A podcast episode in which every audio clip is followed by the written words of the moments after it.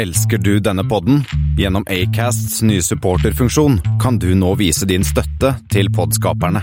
Det er helt opp til deg hvor mye du ønsker å bidra med. Klikk på lenken i podbeskrivelsen for å støtte podkasten.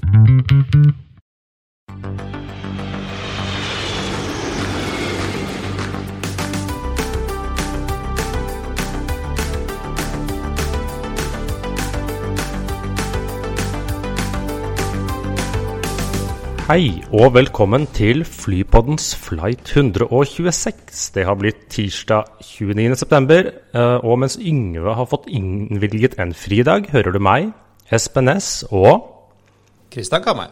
Ja, og vi har ikke høstferie. I hvert fall sånn delvis. Litt, kanskje. Men eh, denne gangen har noen av oss vært ute og snakket med Cicero, Senter for klimaforskning om contrails. Og, men før vi går inn på ukens aktuelle saker og vårt intervju Du har vært ute og fløyet propell, Christian. Ja, eh, 211 dager siden sist jeg var ute og fløy, og nå i helgen så var jeg med familien i, i sol, nydelige, solrike Bergen eh, med Widerøe fra Torp. Det var jo altså Det er første gang jeg har fløyet da, siden 28. februar. Det var deilig å komme ut i lufta. Det var ikke Den Q400 hadde vel kanskje 20 pax eller noe på vei over til Bergen på en lørdag morgen.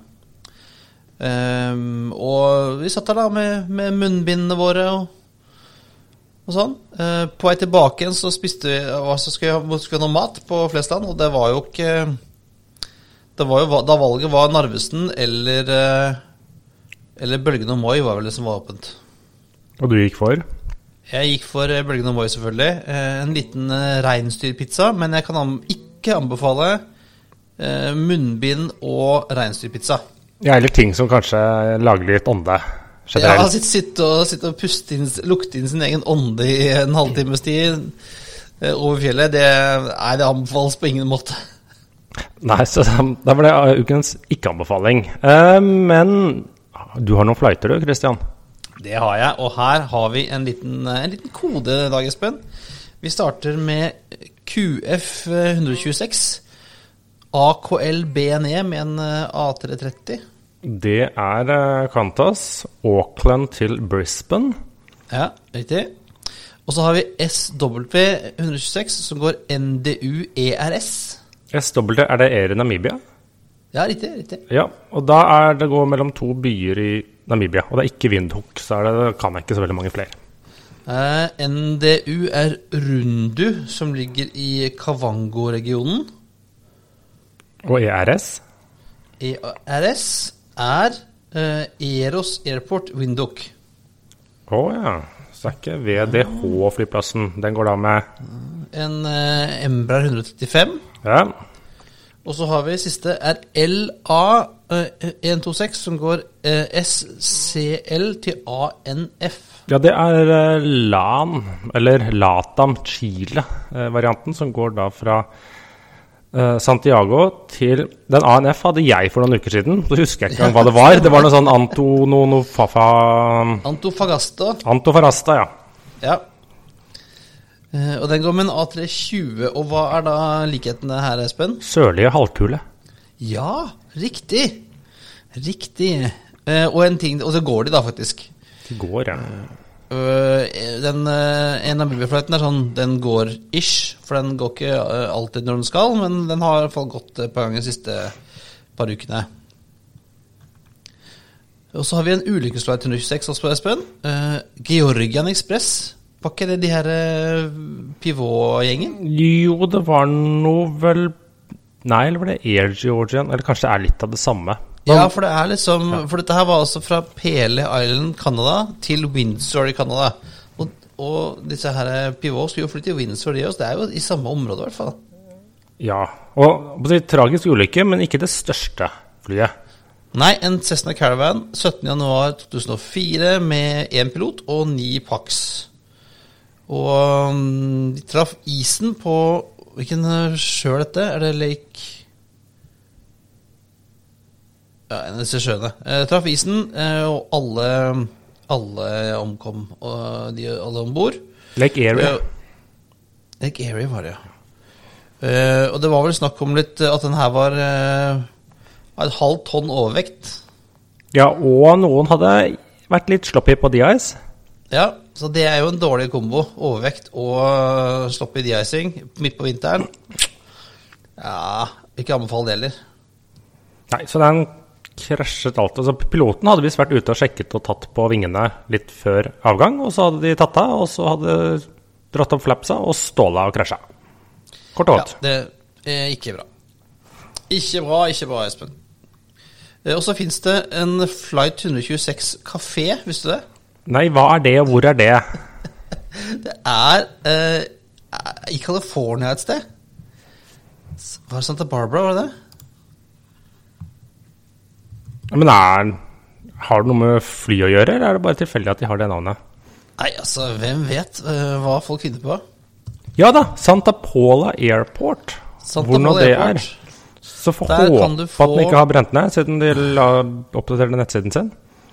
Og der altså kan du få snaddermat, eh, Espen. Der er det hamburgere, der er det sandwicher, der er det suppe. Eh, Det er, det er alt det som du kan eh, tenke deg å finne på en eh, middels Egon. Da får man dra til eh, Santa der man kan, så Men vi har vel noen aktuelle saker òg, har vi ikke det, Christian? Jo, det har vi.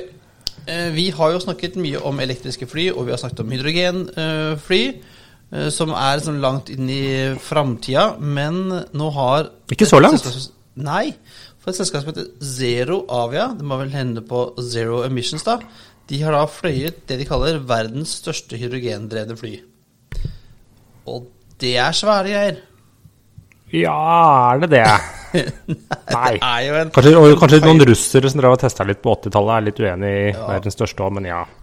Men det fungerer i hvert fall liksom i dag, da. Eh, dette er en, en Piper M350 som vel har ja, seks seter.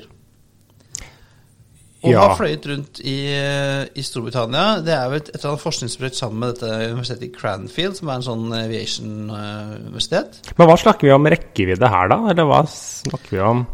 Nei, De sier nå at de skal kunne fly 250-300 nautiske mil. Så det er vel snakk om å fly opp til eh, Orkenøyene en tur. Men, men det, her må det jo sies at vi snakket jo om hydrogenfly forrige gang.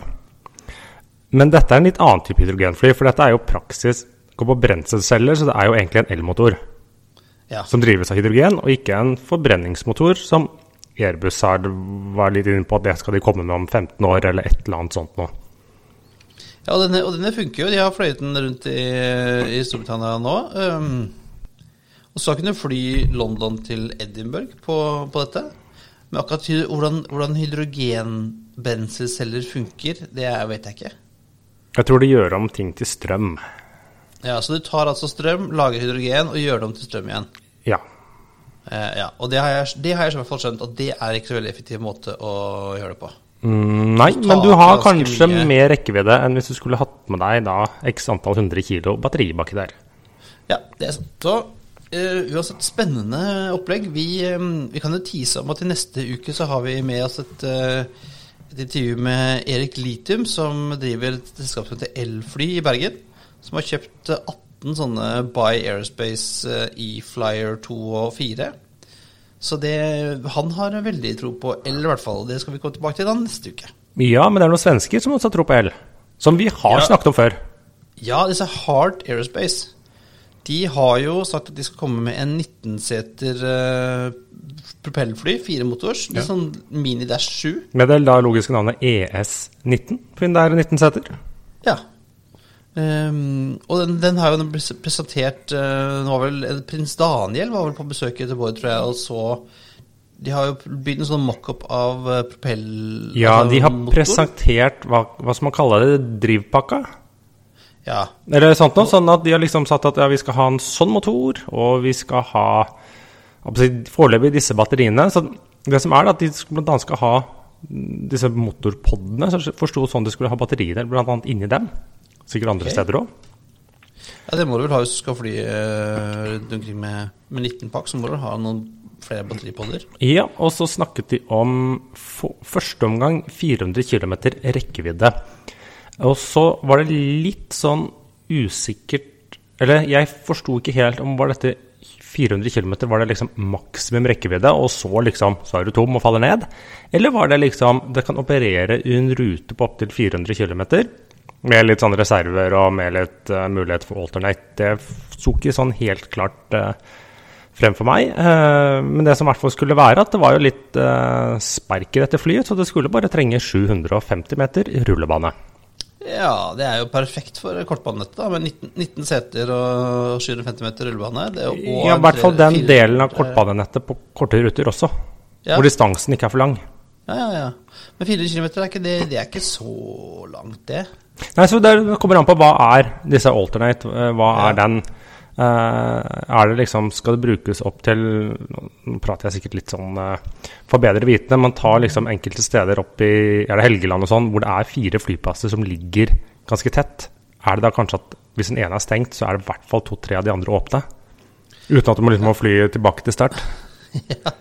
ja, men uh, de har jo gjort ganske mye de, Blant annet så hadde de jo en, en mockup av kabinen. Den ser litt ut som en sånn Tinotter-kabin med ett uh, sete på hver side? Ja, det er jo som sagt Vi, vi kaller det en Dash 7-variant, men det er jo en krysning mellom Dash 7 og Twin Otter på elektrisk. Ja. Uh, det som jeg syns var litt rart, var at uh, de presenterte motorene, så hadde den en propell med syv blader. Ja, de altså, er det andre som er det. For jeg har sett fire, to, tre, fire, fem, seks og åtte. Kanskje ja. det finnes sju. Men syv, den var ny for meg. Kanskje vi skal spille igjen et forslag om kontraroterende propeller? oh, det hadde vært nydelig. ja, altså, men altså, det skjer mye spennende på dette området. Um, Få se da hvor, hvor, lang tid det tar. For det, altså, det å, å sertifisere et fly i dag tar jo ganske mange år. Ja, og det krever at både deg og de lokale myndighetene har en viss erfaring eller har litt kunnskap om det. Selv om nå har jo svenskene hatt noe fly før, men det begynner å bli en stund siden uh, disse Saab 2000 ble sertifisert. Jo, men de har jo også De bygger jo fly fremdeles. Disse Gripen bygger de jo fremdeles. Ja. Så det er fly er fly, på en måte. Jeg vet ikke om det er litt andre ting når det er militært kontra passasjerfly. Ja, hvem vet. Ja. Nei, spennende er det åkke sånn. vi gleder oss til dette. Vi, eh, det er spennende. Det er bra. Uh, og det er jo eh, mye som skjer i bransjen. Og vi har jo tidligere snakket om at luftfartsbransjen i Norge har som ikke hatt noen venner, kanskje bortsett fra Henrik Asheim, da. Eh, men nå dukker det plutselig opp en som er venn av, av luftfarten, Espen. Det er kanskje ikke akkurat hun alle ville, ville, ha, eller? Nei, jeg vet ikke hvor Sylvi Listhaug har vært ute og forsøkt å redde Norwegian, eller i hvert fall forslag om det, eller om det er enda et år til valg, så jeg trodde ikke det skulle begynne med stemmesankingen ennå, men kanskje det. Ja, Hun uh, går ut nå og krever at staten skal redde Norwegian. Uh, fordi at billige flybilletter til Syden, det er Frp-politikk. Ja. Uh, og jeg har jo sett også nå, fordi at nå var jo disse, Alle disse flyselskapene var jo på et møte sammen for noen uker siden hos departementet. Og nå har visst både SAS og Norwegian hatt sånn én-til-én-møter, og Widerøe skal vel snart. Og det kommer jo litt sånn signaler fra departementene og regjeringen at de kanskje må innse at de må ha litt sterkere lut til for å liksom ha en levedyktig norsk luftfartsbransje eh, fremover også? Men øh, hun, eh, næringsministeren har jo vært ganske tydelig på at de ikke er veldig interessert i å gå i hvert fall ikke interessert i å gå inn som eiere? Mm, ja, nei, det er i hvert fall sagt. Men så kommer det an på, da. Så dette kommer jo an på hvem skal reddes. Når man snakker om man skal redde et flyselskap, så skal man da redde hva skal jeg si, bedriften? Skal man redde de ansatte? Og, og, og liksom hele si, organismen. Det er jo de man skal forsøke å redde, ikke aksjonærene. Nei, så hadde vi hatt en sånn type chapter 11 hvor du kunne ha nulla ut aksjene, så kunne jo staten ha gått inn litt sånn som de gjorde med banken. Der, ja, men da, jo, da, blir jo staten eier. Det er derfor jeg sier at eneste grunnen til at staten bør være med på disse redningspakkene, er jo rett og slett for å gå inn som eier på bekostning av dagens aksjonærer, som dessverre har tapt alt. Men det er greia med aksjer. Det er et høyere risiko enn å sette pengene i banken. Ja, jeg kan jo se fortsatt, fortsatt at de går en sånn eh, litt samme som leaseselskapene gikk. da. Gikk inn og tok eh, nærandel, og så solgte seg ut når ja, hvis de, de kunne. Hvis de, kjø, du kjøper seg inn på bekostning av uh, andre aksjonærer til en veldig lav pris. Det er en sånn fair uh, greie. Da har uh, staten en mulighet også til å gå ut med gevinst, eller fort gå i null, eller i hvert fall ikke tape penger på det. Samtidig som de da redder selskapet, de redder arbeidsplassene, og dermed redder fremtidige skatteinntekter. Det er det jeg liksom tenker på dette. Ja, ja, for verken du eller jeg er noen fan av statlig eierskap, men, men, det er bedre å gå inn som eier og selge seg ut, enn å bare putte masse penger i et høl. Ja, så man må ha noen sånne garantier å, gå inn, så jeg tror at det er nesten bedre å gå inn som en sånn aksjonær enn å faktisk bare låne dem penger. For ved konkurs så taper man jo det. Ja. ja det, det, er jo Vi får se da hva, hva de går for etter hvert. Det ja, så, Noe må på en måte skje, for det holder jo ikke. Så, var jo på, øh, på Torp var det litt paks, men på, på Bergen i går kveld var det jo Det var triste greier, altså. Det var ikke mye folk. Nei. Men uh, skal det komme noen mer passasjerer til Bodø og Evenes? Ja, fordi at Widerøe de la jo ned Bodø-Evenes-ruta i fjor, som de har drevet eh, kommersielt ganske lenge, fordi at det ganske enkelt ikke var økonomi i denne ruta. Uh, og da hadde de ikke plutselig noen flyruter mellom Bodø og Evenes, og det var jo lokalpolitikerne litt uh, grinete for, skjønner jo det. Så da gikk staten ut og la inn denne ruta på fotnettet, så det ble en anbudsrute. Ja, fram til liksom hele Nord-Norge skal ut i 2022. Ja, så den er bare midlertidig. Ja. ja og ikke overraskende, øh, Widerøe vant. Ja. Visstnok hadde også DAT lagt inn anbud, men Widerøe var billigst. Men dette er en klassisk 2-0-seier. Widerøe vant over staten fordi de får noen penger for å fly den ruten. De vant over DAT fordi de vant anbudet. og det, det, var fra bedriftsmessig eller fra Widerøes side var det rett og slett nydelig gjort. Så nå spørsmålet skal de legge ned flere kommersielle ruter, og så må de få de inn på fotnettet og få en sikker inntekt. Dette, var, dette er jo oppskriftene på hvordan uh, få ekstra betalt for å fly. Ja, det er utrolig at osv. også Widerøe klarte å gjøre det billigere enn en, en, en, DAT, DAT, som ja. vel var dette litt baltiske datterselskapet. Ja, som heter noe DAT, ja, men allikevel. Jo, men det som er, da, at dette De gjør det på marginalen, da. Ja, nemlig, for de skal fly to ganger daglig, og så var det én ikke så ofte i helgene. Men DAT har jo ikke noe der oppe. De har ikke et fly stående på Bodø, i Bodø som de kan bruke til det. Mens Widerøe har jo x antall maskiner som bare står og blomstrer oppe i Bodø. Og så er det noen lønninger til uh, piloter og kabin. sånn at de Kostnaden ja, for å operere dette for videre er jo ganske lav. Nei, det er noen liter med Jetta igjen, og så er det istedenfor at de sitter og drikker kaffe på, i, i Bodø, så flyr, flyr de da istedenfor. Nemlig.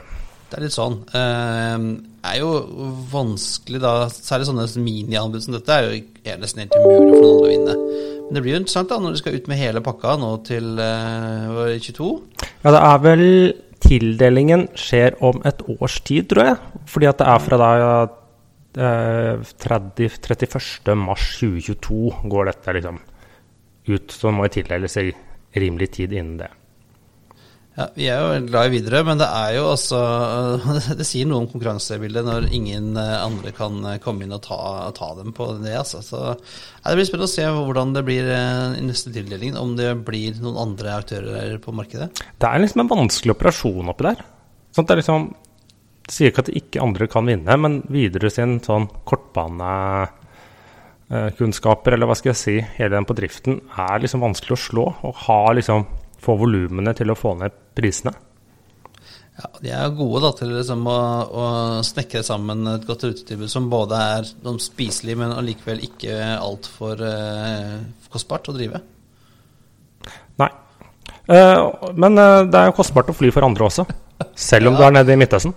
Ja, vi har jo snakket om Midtøsten-selskapene før, og der er det som bare å gå til eierne med mer penger. Det, uh, vår venn Ali Al-Bakar må vel gå til eierne sine for å få litt mer penger, da. For de slapp nå resultatet for 2019-2020-året, som vel går til og med mars? Ja, man, ja, og man kan jo si ja, det var før korona, men jeg tror de også har tatt en del tap og nedskrivninger allerede. Slik at en del av dette var eh, De har klart å få inn litt sånn koronakostnader der. Eh, for det er ikke så greit å ta det tapet nå. Og så er det jo også ca. 20 eh, eller ca. 25% av dette tapet er jo også tapet de inngikk på Air Italy. Ja, og så er det jo også alle ekstrakostnadene ved denne blokaden da, av nabolandene. Ja, så de har jo fått, gikk til måtte gå til sine myndigheter, så har de fått rundt 20 milliarder kroner. Men akkurat For det var Tapet var vel 18 Ja, noe sånt noe. Men det var ikke cash-tap, sånn at det var regnskapsmessig tap. Eh, men én ting skal jo sies, da. At eh, det var veldig stille at de fikk penger fra myndighetene fra andre flyselskaper i disse tider. Det var ikke noe ingen som brydde seg om det nå, liksom. For det var, eh, det var noen som sitter og ber om det samme. Ja, ja, ja Nei, det, det blir jo da en, Det blir, kan ikke bli noe Ja, det blir helt sikkert verre eh, i 2020-2021, tenker jeg. Det kan vi være helt sikre på. Ja, det blir eh, Men de har i hvert fall De er jo litt sånn som Wizz eller sånn, sånn at ja, vi skal bare ta markedsandeler nå. Vi har liksom fly videre, og så satser vi på at det blir bedre om noen år. Ja, Da er det greit å ha en eier med lomma full av cash, da. Eller å ha masse penger på bok. Og det er jo Du var inne på Wizz Air, Espen. når I går eh, vel, så slapp Air Transport World, dette amerikanske flymagasinet, sin liste, eh, sin kåring Airline of the World. Airline of the Year. Airline of the Year, og det ble Wizz. Det ble Wizz. Um, Ja. Det er jo masse sånne kåringer, men jeg, jeg mener jo at den, den, den originale er jo denne Air Transport World sin, sin kåring, som er ikke mer sånn Det er ikke folk som, altså passasjerer som stemmer på det, og det er ikke sånn, sånn Nei, det er rett og slett en jury. Det er ikke markedsføring som en del sånne der eh, bonuspoeng-awards og sånne ting, som er bare om å gjøre å få mest folk til å klikke på linken din. Nei, her er det faktisk en del eksperter, ordentlige, ordentlige eksperter med lang erfaring, som går inn og så analyserer eh, hva et selskap har gjort, og mye som det går best på, hvilken, altså, hvordan de har jobbet med strategi og, og utvikling Ja, det går rett og slett på driften av flyselskapet, og ikke nødvendigvis hvem som serverer den beste maten. Eh, og der får Wizz eh, en eh, masse kudos for som har gjort veldig mye rett. Har kommet inn, De, er, de har ikke holdt på så lenge, siden 2006 eller noe. Ja, noe sånt da, men ja. vokst steady og har liksom en bra, veldig bra kapitalbase. Og er først, det er vel første gang et såkalt ultra low cost carrier faktisk vinner denne prisen. Ja, i de 46 årene det delte ut. SAS vant jo denne i 1982 Tre? 3, noe sånt noe. Etter den store um, eh, omorganiseringen og liksom omgjøringen av hele brandet som eh, Janne Karlsson gjorde. Eh, vi kommer til å le- selvfølgelig legge en eh, link til denne artikkelen også fra Airline, Air Transport World. For, eh, for veldig, en veldig bra artikkel på liksom, hvor- hvorfor de har valgt eh, Wista, og et eh, intervju med han eh, han Joseph, han CEO-en også.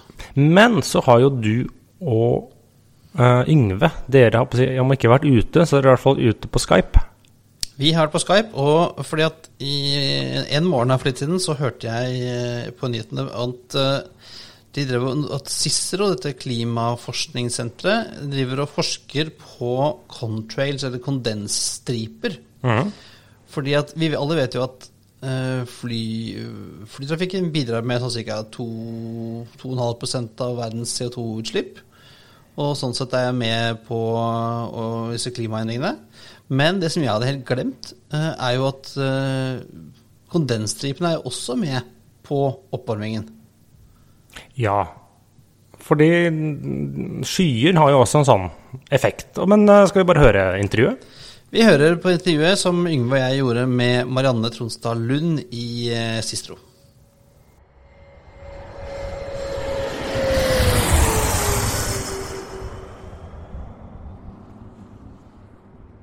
Ja, da eh, har vi eh, slått på tråden vi til eh, Marianne Tronstad Lund i eh, Cicero. Og hva er det Cicero gjør, Marianne? CICERO er et eh, forskningsinstitutt, senter for klimaforskning. Så her jobber vi med klimaproblemet fra alle vinkler, egentlig. Fra meg som er naturviter, til klimapolitikk og økonomi og klimarisiko. Ja, og Grunnen til at jeg tok kontakt med deg, var at jeg hørte deg på radioen snakke om at kondensstripene fra fly er med på global oppvarming. Mm. Eh, og vi har jo alltid eh, snakket om at eh, vi er jo veldig glad i fly. Eh, men vi er opptatt av miljø og klima også. Eh, og så pleier jeg alltid å si at ja, men eh, CO2-utslipp fra fly bidrar bare til 2 av verdens eh, globale oppvarming. Det er ca. det samme som kupromp. Eh, men så sier du jo at, at det er enda mer. Ja, Det er litt mer, og det er det som er litt eh, unikt med akkurat luftfartssektoren, er at eh, utslippene skjer i en, i en veldig sånn i utgangspunktet ren og annerledes del av atmosfæren, i og med at de skjer så, så høyt oppe. Uh, og det er jo mye mer som slippes ut av eksos enn CO2, og det gjelder jo for så vidt for alle altså biler og båter og alt sånt, men, men akkurat for flyene så blir det ekstra viktig å ha med seg hele pakken. Og CO2 er jo det vi hører mest om, og vi skal jo være veldig fokusert på å kutte CO2-utslipp. Det er den viktige, store liksom, vi, vi, kommer ikke til når vi Norge klimamålene våre uten å kutte CO2. Men for luftfart da, så er det særlig to andre effekter som bidrar til oppvarming. Og det er eh, dannelsen av kondensstriper. Og så er det utslipp av det som kalles nitrogenoksider, eller NOx. Og dette er bidrag som er med på å gjøre da, klimapåvirkningen fra sektoren ganske mye større enn det CO2-utslippene alene skulle tilsi. Ja, for CO2-utslippene tilsvarer ca. 2 og hvis du legger til eh, NOx og, og kondensstripene, hva havner vi på da? Så selve CO2-utslippene utgjør omtrent 2,5 ja, eller på størrelse med et land som Tyskland, egentlig, i, for sammenligning.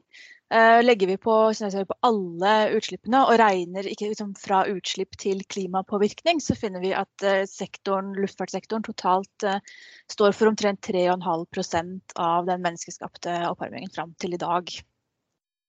Mm. Så disse, disse, alle tilleggseffektene er med på omtrent litt mer enn doble effekten fra sektoren fram til i dag, relativt til å bare se på CO2.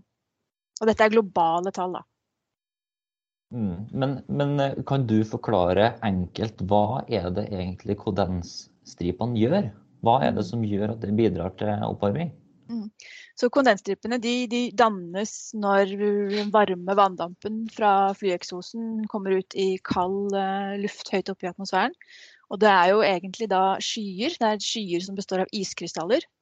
Og skyer som uh, Først så får du danne disse lange, hvite stripene, men når de blir uh, langvarige nok, så vil de begynne å bre seg utover, og så blir de en del av det skydekket som ligger høyt oppe, som vi kaller for cirrusskyer.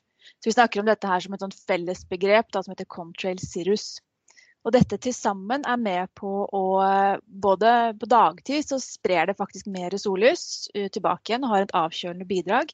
Men på natta så er det sånn at disse skyene er med på å holde mer av varmestrålingen fra jorda inne i eh, Altså vi slipper det ikke ut til atmosfæren, og holder det inne i systemet. Og dermed så er det en oppvarmende effekt.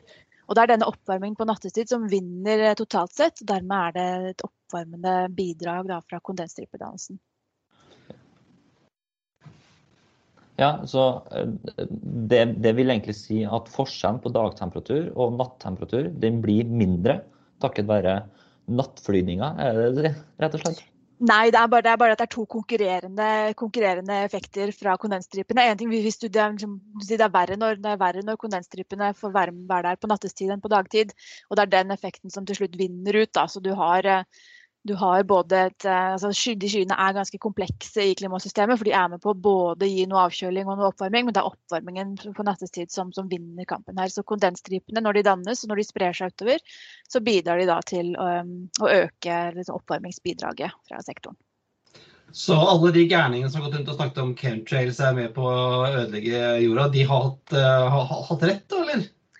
Altså Chemtrails er uh, nettopp uh, det, det, det antas å være. Det er en konspirasjonsteori. Det er jo ikke noe vi uh, har grunnlag for å si noe som helst om. Kondensstriper er noe ganske annet. Ja. Og dere har et forskningsprosjekt som har holdt på en stund for mm. å kartlegge effekten, eller når kondensstriper oppstår og sånt, eller? Ja, så vi, vi, har egentlig akkurat kommet i gang med det forskningsprosjektet. Og bakgrunnen for det er at eh, når vi sitter og snakker om eh, denne effekten som, som kondensstriper har, så ser vi jo på globale tall. Altså det er den, det er den totale globale luftfarten da, som, som, eh, vi har tall for. Når det kommer f.eks. til norsk innenriks luftfart, så er det jo sånn at mange innenriks flyvninger og egentlig i mange områder, de holder lavere høyder enn de lange transatlantiske eller lange internasjonale flyvningene. Og dermed befinner seg i høyder hvor disse forholdene for kondensstripedannelse er til stede mye kortere tid. Så spørsmålet er egentlig bidrar norsk innenriks luftfart til kondensstripedannelse? Og hvis de gjør det, hva er klimaeffekten? Eh, og der har vi ikke kunnet gi noen gode svar foreløpig. Men nå har vi da fått eh, penger, et, forskerprosjekt, hvor vi skal prøve å faktisk svare på det. Og det skal vi gjøre på to måter. Så for det første så Vi trenger modeller for å kunne si noe om dette. så Vi er nødt til å kjøre dette gjennom hvis vi tar utslippene fra norske fly, og så må vi ha det inn i en klimamodell, og så må vi se på hva som, hva som skjer der. Men i tillegg så ønsker vi oss da at folk flest er med oss og jakter på disse kondensstripene. Så vi har altså en folkejakt på kondensstriper. Ja, for det er ikke sånn at de alltid oppstår på samme sted? Det er på samme Nei, høyde? Det. Ikke samme høyde og ikke samme tid av året. Eh, og ikke, altså det er veldig store variasjoner i, i når og, og, hvordan de, de, dannes. Så du kan godt ha en flyvning som lager en kondensstripe i januar, som ikke gjør det i juli f.eks. Så for oss er det viktig å både finne ut eh, Det er interessant altså både for forskerne å, å ha disse observasjonene eh, hvor folk er med og, og tar bilder og, og ser når har det faktisk oppstått kondensstriper. Og så er vi veldig interessert i å vite da hvilket fly lagde den kondensstripen. Så da kan man også bruke f.eks. denne Flight Radar-appen, som man kan gjøre at man kan følge flyvninger. Og så kan man finne ok, men det, det, var dette flyet. Var det et internasjonalt fly, eller var det da en norsk innenriksflyvning som lagde denne kondensstripen? Så Det er informasjon som er veldig verdifull for oss til å liksom støtte opp under det vi skal gjøre med klimamodellene. Men eh, hvordan, altså dere, dere, ønsker gjerne hjelp fra folk på bakken, rett og slett. Men eh, hvordan går dere fram, eller hvem konkret er det dere vil ha hjelp av? Mm. Altså, vi synes det er kjempeflott med, med, alle som er interessert og kan være med her. Vi har vært litt heldige fordi at vi, vi har allerede eh, NASA har allerede et lignende prosjekt gående, så de har faktisk allerede utviklet en app eh, som eh, folk kan laste ned og komme i gang ganske kjapt. Og så er det jo sånn at akkurat nå så er det jo litt dårlige forhold kan du si, for kondensstriper. Vi var ikke så heldige med timingen der. Så det vi håper er jo at folk kan liksom komme litt i gang. da. Men det som er viktig er også at vi får litt eh, data over lengre tid. Nettopp fordi at det varierer så mye fra sesong til sesong. Så vi, vi trenger egentlig engasjerte folk som kan faktisk holde på over et år eller to. Eh, og da ta disse bildene, og gjerne i tillegg registrere disse kondensstripene og hvilke fly det, var som gjorde det. Så Vi ønsker oss folk flest, og så ønsker vi oss også mer, mer fokuserte grupper som skoleklasser f.eks. Eller andre organisasjoner interesserte som kan, som kan, gjøre dette på en litt mer sånn systematisk måte. da. Mm. Men det, det, er kanskje geografisk betinga også. fordi Hvis du har bare folk i Oslo, så vil du jo bare få fly som nettopp har tatt av eller er på vei inn til landing på Gardermoen eller til Torp eller Rygge. Så kanskje dere vil ha noen midt i Innlandet eller midt i Nordland eller noe sånt også? da? Ja, ja absolutt. Og vi, vi, jo, vi, vet jo at det, det, er jo ganske sånne faste ruter fly Norge har. Det er jo altså det går jo en del over oss fra ja, Beijing til Irland til USA osv. Men så har vi jo i Norge ganske sånn faste flyvninger da, mellom Oslo, Trondheim, Bodø, Bergen, Stavanger. Så alle som, som bor i eh, områdene mellom der, er jo kjempefint. Altså jo, jo flere, jo bedre dekning vi får i områder, jo, jo bedre er det. Så hvis man har lyst til å delta i dette forskningsprosjektet, hva gjør man da? Okay. Da kan du på, kan du enten kontakte meg, eller så kan man da gå inn på Cicero sine hjemmesider og søke på Aviate, altså Aviate. Eh, og da får du opp eh, prosjektsiden vår, og der ligger det instruksjoner til, eh, til hvordan man kan gå videre. Eller så kan man gå til NASA og leite etter en app som heter Globe. Vi legger selvfølgelig linker til alt dette i eh, shownotene våre, så folk kan gå rett inn og, søke. Jeg vet at uh, tredjemann som ikke rakk å være med oss i dag, Espen han sender meg ofte bilder av fly som flyr over huset hans i Asker, uh, med og uten uh, contrails. Og Det kan jo legge til kjapt, Det er jo viktig å vite når det er et fly som også ikke lager en contrail. Ja. Det er jo også med på å støtte opp under at uh, dette flyet var faktisk ikke det var ikke forholdene til stede. Så vi trenger både observasjoner og også ikke-observasjoner. Men hypotesen er altså at siden fly eh, eller maskiner flyr over Norge på en lavere høyde, så kan klimaeffekten også være lavere i Norge enn eh, globalt sett, eller? Ja, det er det vi tenker at kanskje tilleggseffekten ikke er med på å være like viktig for, for norsk. At der, der er det faktisk CO2 som bør være hovedfokuset. Eh, fordi at det er mindre kondensstripedannelse. Men det vet vi altså ikke. Vi vet at forholdene finnes, men vi vet ikke om stripene dannes. Så det er viktig, viktig å finne ut når eh, både industri og myndigheter skal få på plass riktige, de beste tiltakene. Så vi har ikke prøvd å unngå å ha contrail-skam i Norge, da? Jeg er ikke noe for skam generelt, jeg, da. Vi prøver å være så konstruktive vi kan. Men det er veldig interessant, for da sitter det noen på andre siden da, og og puncher dette og sammenligner og ser hva, hvilke forhold dette, denne fløyen har vært under, som har hatt contrails, kontra den som ikke har? Ja, det er sånn som jeg kan gjøre. Jeg sitter jo da på meteorologiske data for, eh, for Norge f.eks. Så da kan jeg gå inn og også sammenligne med Vi kan bruke modellene, eller vi kan gå inn og sammenligne med hva slags forhold var det faktisk denne, ved denne observasjonen da, i, eh, i, som, ble, som, ble, registrert. Så alt det som tas bilde av og registreres, kommer jo også inn i denne NASA-appen. Så da kan vi gå inn og hente ut dataene akkurat for vårt område. Og hvis vi i tillegg da får informasjonen eh, via et eget skjema om hvilket fly det var, så begynner vi å få veldig god dekning. Men jeg, har, et, jeg har, et, spørsmål eh, som også går på det med at, at flyselskapene ønsker jo en mer, altså mer effektive motorer osv. Uh, og det kan jo da selvsagt hjelpe på, på å minske CO2-utslippene, men hvilken effekt har egentlig det på contrails? bare selve effektiviseringa av eh, motoren for å, for å redusere drivstofforbruket per, per kilometer, si, det, det, har ikke den store effekten på, på, på contrails. Nå finnes det andre ting. Det er noen studier som nå tyder på at uh, hvis man klarer å gå over til uh, bærekraftig alternativt drivstoff, så kan man kanskje få en litt mer sånn vinn-vinn-effekt ved at du både reduserer klimaeffekten av, av contrailene og da reduserer netto CO2-utslippene. I tillegg så diskuteres det eller det studeres veldig mye i forskningsmiljøene dette med å fly rundt områder um, som har de riktige forholdene. At man kan omdirigere flyene vekk fra disse. Um, og da er jo spørsmålet så klart om vi klarer vi å forutsi disse områdene kjapt nok. Og klarer vi i den ekstremt tette trafikken vi har i disse områdene å faktisk omdirigere. Da. Men, uh, men det er tiltak der ute som også kan være med på å redusere contrail-effekten. Så det at du har disse tilleggseffektene, gjør jo egentlig at man må tenke en pakke da, av eh, mange tiltak for sektoren for å få størst mulig effekt. Ja, og uh, i, i, vår forrige episode snakket vi om at Airbus ser på uh, løsninger på fly som går på hydrogen. Mm. Men de slipper ut et som jeg har skjønt, hydrogen brennes av blir vann. Mm.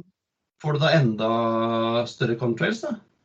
Det er faktisk et spørsmål vi ikke har svaret på. Jeg har fått flere ganger i det siste. Ehm, det som er greia der, er at det er en ingrediens til som man trenger for å få kondensstriper, og det er partikler. Så du trenger en liten kjerne Noe som, som skal fryse på. Mm. Mm. Og de finnes jo naturlig i atmosfæren, men det slippes også ut en del partikler fra flyet. Så spørsmålet da blir jo når hydrogen, der er det jo ikke disse partikkelutslippene. Så da blir jo første spørsmålet er det faktisk sånn at vi kan få iskrystaller helt av seg selv uten disse um, små partiklene. Og det andre er er partiklene i bakgrunnen av atmosfæren med på likevel gi eh, kondensstrippedannelse. Så det er en ting som eh, jeg syns er veldig spennende og jeg håper vi kanskje faktisk forsker litt mer på, nå som det virker som det er mer aktuelt dette med hydrogen. Det har jo ikke akkurat vært på toppen av agendaen til nå, men nå dukker det opp stadig. Så det, jeg tenker at her har vi en liten jobb å gjøre for å bedre svaret på det også. Men jeg, jeg har et uh, litt sånn ekstra spørsmål. fordi eh, nå, eh, i den tida vi er i nå, så er det jo langt mindre flytrafikk. Ja. Og slik jeg har forstått det, så er effekten av contrails mer kortvarig selvfølgelig enn CO2. Mm. Finnes det allerede noe data på, uh, på, hvilken effekt eller fraværet av contrails har hatt de siste månedene, f.eks.? Eh, altså jeg har sett noen studier som uh, har eh, kommet uh, De er ikke publisert ennå, jeg ser de ligger inne til fagfellevurdering. Altså forsker, Forskere har sett på dette. Foreløpig har jeg ikke sett noen resultater fra det. Det som vi vel ikke kommer til å se, er på en måte en, en vi kan ikke se dette i en synlig effekt på temperaturøkningen dette året. Til det er liksom effekten for liten og klimasystemet for stort og tregt. Det kan jo være at man kan se noen veldig veldig lokale effekter, f.eks. på temperaturforskjell mellom dag og natt og sånt, men sånn overall så, så, er det relativt små effekter som er vanskelig å studere i litt sånn kaotiske klimasystemer. og og um, vær, med mindre man har dette som at dette varer over lang tid. Så jeg vil si at Hvis det blir en langvarig endring, så er det mye lettere å se om det har en effekt på klimaet. Men det er på gang litt forskning der også. så Vi ser jo, har jo sett tidligere, f.eks. etter um, 9-11, eh, og da flyene sto på bakken tre dager da, så kunne man jo se at eh, det var rapporter som, som sa at man så klarere himmel, mindre skyer. Um, så neste spørsmål er bare kan vi faktisk merke en effekt på vær og klima av det, og det er vanskeligere å oppdage. Men, men, fant man ikke da også en rapport der uh, man så på temperaturforskjellen på natt og dag? Og at temperaturforskjellen ble større på natt og dag nettopp fordi flyene sto på bakken?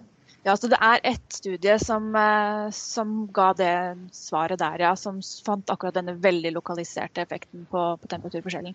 Um, det er litt omdiskutert, um, de, og det er det eneste. Men, men, at det er noen veldig lokale effekter her, det kan nok hende, ja. Mm.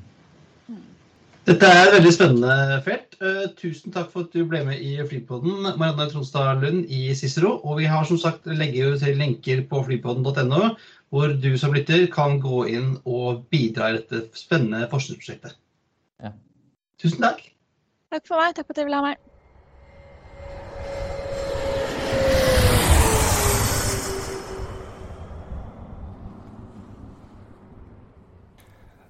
Så hva var egentlig konklusjonen?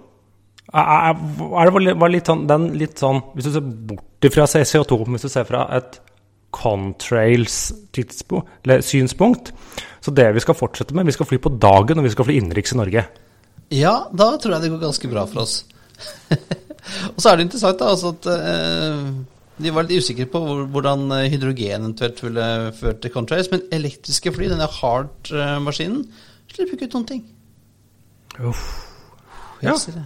ja nei, men uh, vi har, da legger selvfølgelig ut linker eh, på flypodden.no til hvordan du som lytter på oss, kan bidra med å ta bilder av Contrails og sende inn til dette forskningsprosjektet, så vi får avklart eh, om det er riktig det som Espen sier, at vi skal fly kort på dagen for å unngå flyskam. Men vi får vel kanskje runde av med en liten anbefaling? Ja. Espen, har du noe? Nei, vi kan ikke bare si, gjøre som deg. Fly kort, fly videre fra Torp. Det eh, er veldig ålreit. Det anbefaler vi. Hvis noen fra Widerøe kan ta kontakt, så kan jeg bare si hvor jeg skal sende fakturaen for den anbefalingen. Så er det helt greit.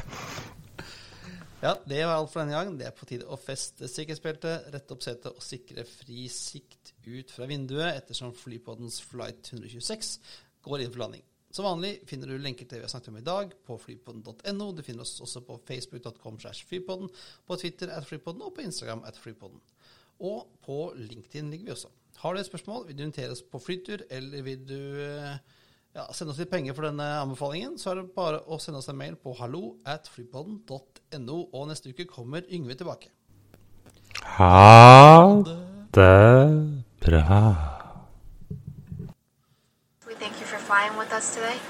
We truly appreciate your business and look forward to serving you on a future flight.